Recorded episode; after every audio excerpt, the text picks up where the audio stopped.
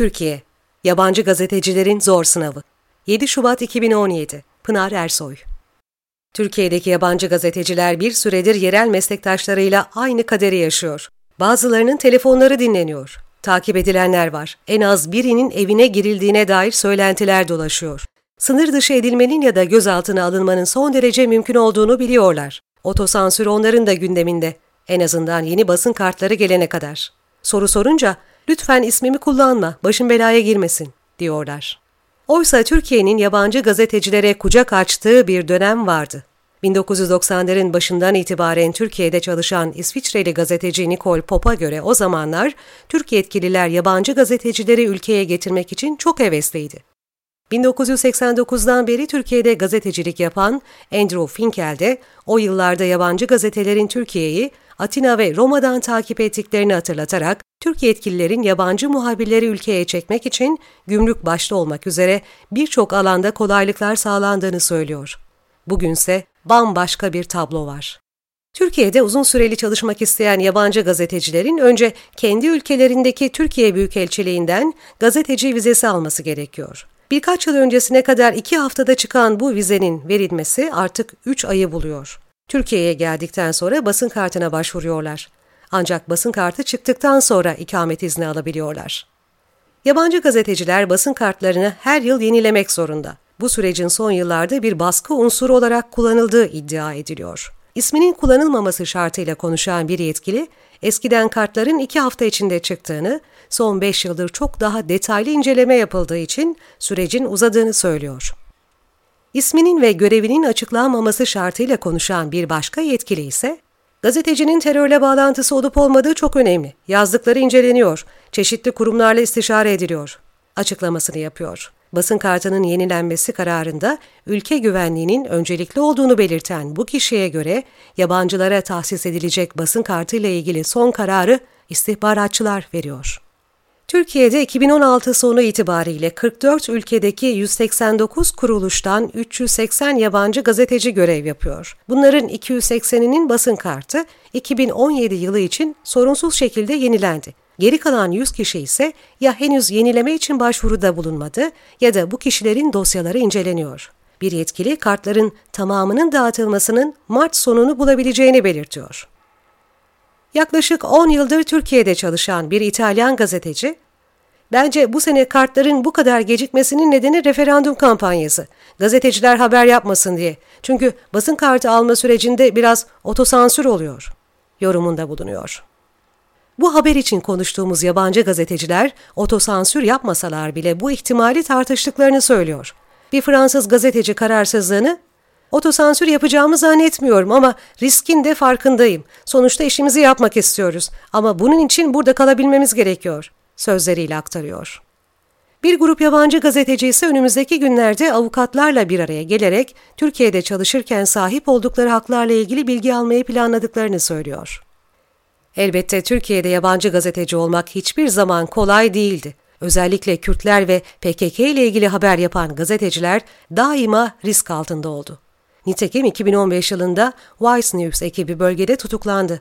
Uzun yıllar Diyarbakır'da yaşayan Hollandalı gazeteci Frederike Gerding, Ocak 2015'te Twitter paylaşımları nedeniyle gözaltına alındı. Eylül 2015'te ise sınır dışı edildi. Kasım 2016'da da Fransız gazeteci Olivier Bertrand, Gaziantep'te gözaltına alındıktan sonra ülkeden gönderildi. Ancak geçmiş yılların aksine artık yabancı gazeteciler sadece Kürtlerle ilgili haber yaptıklarında değil, hükümeti ya da Cumhurbaşkanını eleştirdiklerinde de risk altında. Bunun en ünlü örneklerinden biri Alman Der Spiegel dergisinin muhabiri Hasnain Kazım'ın geçen yıl apar topar Türkiye'den ayrılmak zorunda kalması oldu. Hasnain Kazım Soma faciasından sonra yaptığı haberde bir madencinin Cumhurbaşkanı Tayyip Erdoğan'la ilgili cehenneme git sözlerini manşete taşıdı. Kazım bu sözleri kendisinin sarf ettiği izlenimi oluşunca ölüm tehditleri almaya başladı. Artık Avusturya'da çalışan Kazım'a telefonla ulaştığımızda Soma haberinden itibaren nasıl taciz edildiğini detaylarıyla anlattı. Bunlar arasında ölüm tehditleri ve tanımadığı kişiler tarafından takip edilmek de vardı. Geçen yıl basın kartının bir türlü yenilenmediğini, bu dönemde hakkında dava açılacağına dair duyumlar alınca ülkeyi terk etmeye karar verdiğini söyleyen Kazım, İstanbul bizim yuvamızdı. Daha 2-3 sene kalmayı planlıyorduk. Yuvam dediğiniz yerden zorla ayrılmak her zaman çok zor, dedi. Kazım'ın ülkeden ayrılış sürecini değerlendiren bir yetkili, Alman muhabirin sınır dışı edilmediğini, kendi isteğiyle Türkiye'den ayrıldığını vurguladı. Kazım'a göre ise yetkililer kendisini örnek olarak seçti.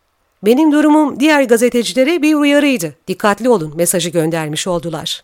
Kazım'ın ülkeden ayrılmasının ardından benzer olaylar artarak devam etti.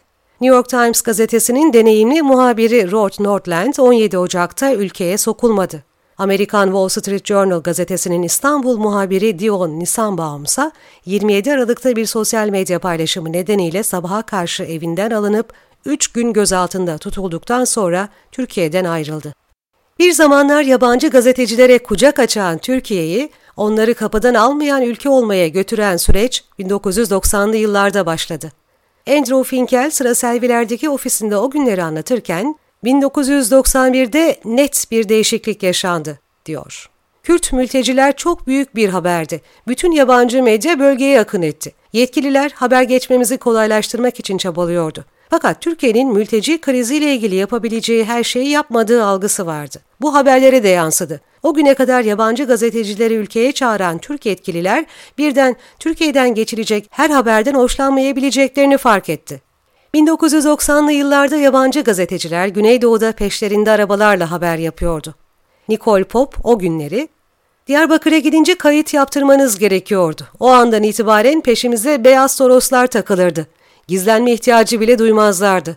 Çok zor çalışma koşullarıydı diye hatırlıyor. Ama her şeye rağmen bölgeye sık sık giderek yaşananları haberleştirdiklerini aktarıyor.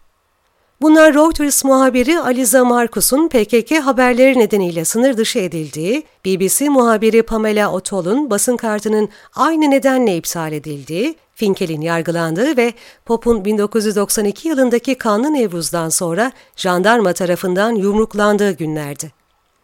Ancak bu aynı zamanda Süleyman Demirel'in basının karşısında Pop'tan bu olay için özür dilediği bir dönemdi. Pop, yetkililer elbette yazılarımızı beğenmeyebiliyordu ama Avrupa'yı hala önemsiyorlardı. Bu nedenle yaklaşımlarında daha dikkatliydiler, yorumunu yapıyor.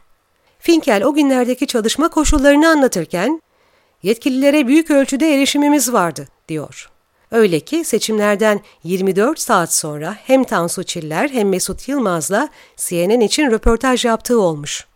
Haberlerimizi takip ederlerdi ama telefonum hiç dinlenmedi. Belki de ben fark etmedim. Bizi kontrol etmiyorlardı. Hatta bence bizim yaptığımız işi nasıl kontrol edeceklerini bile bilmiyorlardı.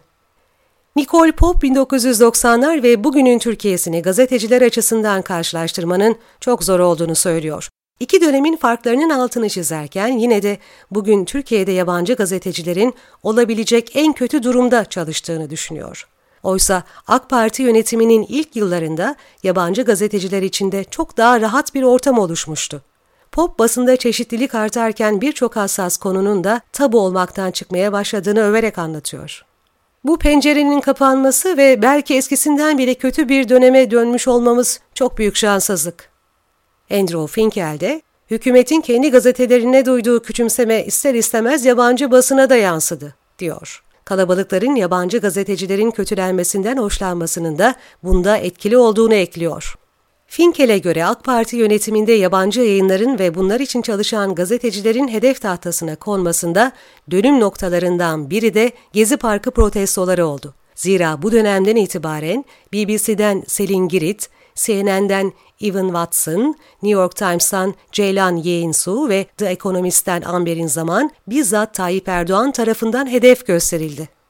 Yabancı gazeteciler için Türkiye'de çalışmanın artık daha zor olmasının tek nedeni Türkiye'deki değişiklikler değil. Andrew Finkel, meslek çok değişti, diyor. Ben hep çok güçlü yayınlar için çalıştım. Hep arkamda olduklarını hissettim. Artık genç gazeteciler çok daha savunmasız haber satmaya çalışıyorlar. Arkalarında büyük bir kurum yok. Ona göre 1990'lı yıllarda yabancı gazeteciler için bir çeşit dokunulmazlık vardı. Şırnak'la ilgili bir köşe yazısı nedeniyle yargılanan Finkel, o zaman herkes yargılanıyordu. Sünnet olmak gibiydi. Türk gazetecilerin günde üç mahkemesi olurdu ama benim yabancı olmam büyük olay olmuştu, diyor. Finkel ayrıca eskiden sosyal medya olmadığını hatırlatarak, Olaylar karşısında tweet atma dürtüsü yoktu. Ya haber yapıyordunuz ya da yapmıyordunuz. Haber yaptığınızda da bunun editoryal sorumluluğu gazetenindi, diyor. Pop da ülkedeki tek sesliliğin yanı sıra sosyal medyadan gelen tehditlerin bugün yabancı gazeteciler üzerinde büyük baskı oluşturduğuna vurgu yapıyor. Yine de her yıl onlarca genç gazeteci Türkiye'nin heyecanlı gündemini takip etmek için buraya yerleşiyor. Her an hedef gösterilebileceklerini ya da sınır dışı edilebileceklerini bilerek, üstelik terör saldırılarının hiç olmadığı kadar arttığı bir dönemde eskisinden daha tehlikeli bir Türkiye'ye geliyorlar. Bazı gazeteciler hayatta olduklarını hissetmek için tehlikenin dibinde olmak isterler. Ben onlardan değilim, diyor Finkel. Ama bu biraz da işin parçası değil mi?